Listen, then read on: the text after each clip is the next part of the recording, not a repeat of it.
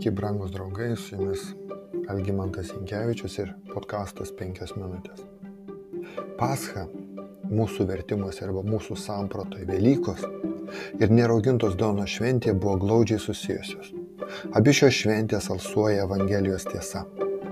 Paukotame Paschos avinėlėje buvo numatytas pasmerkto kiekvieno pirmgimio išgelbėjimas. Tačiau avinėlį mirties nepakako. Norint užtikrinti išgelbėjimą, jo kraujas turėjo būti užteptas ant durų staktų. Avinėlio mirtis ir jo kraujas turėjo eiti kartu. Abu šie žingsniai buvo būtini. Pascha simbolizuoja Kristos mirtį. Paulius sako, ne jau, nes jau paukotas vėl, mūsų Velykinis avinėlis Kristus. Pirmas laiškas korintiečiams penktas skyrius.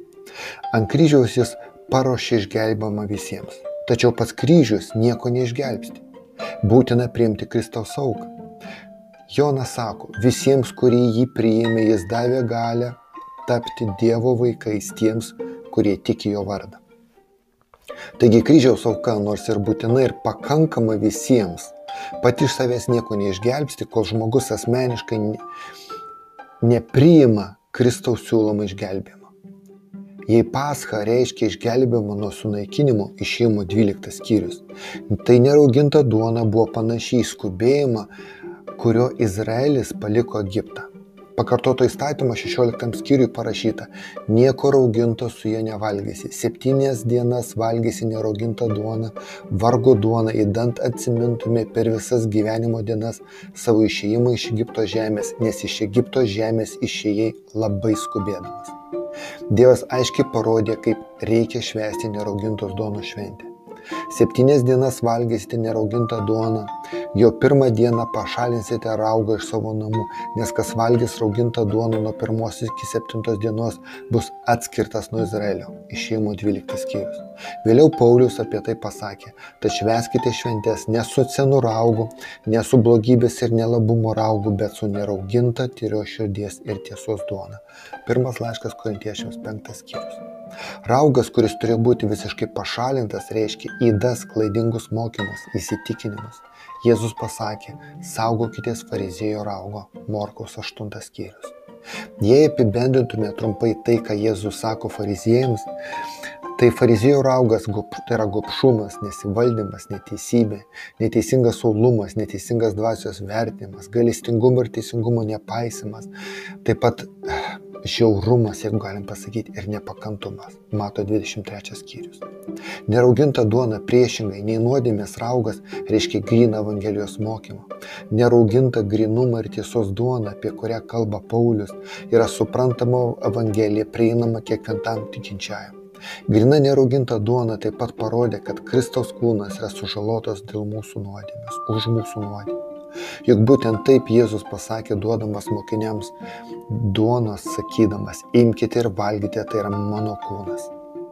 Tačiau nuostabiausias dalykas, mano asmeninė nuomonė, nutikęs neraugintos duonos šventėje, buvo neraugintos duonos šventės antroji diena - pirmienų pėdo šventė.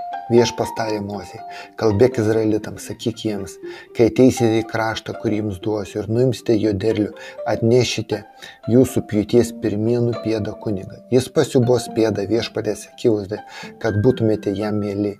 Dieną po šabo kunigas jį pasiubos. Ta diena, kai pasiubojate pėdą, atnašausite viešpačiai sveiką mito levinėlį, kaip deginamai auką, o javų atnaša prie jo bus du dešimtadaliai efos geriausių mildų su įmaišytų aliejumi, malonaus kvapo ugninė atnaša viešpačiai. Jos lėjamoji atnaša bus vynas, vienas ketvirtis hino. Iki tos dienos, kol nebūsite atnešę savo Dievo atnašos, nevalgysite nei duonos, nei pagrūzdinto šviežių grūdų. Tai amžinas įstatas jūsų kartoms visose jūsų gyvenimėse.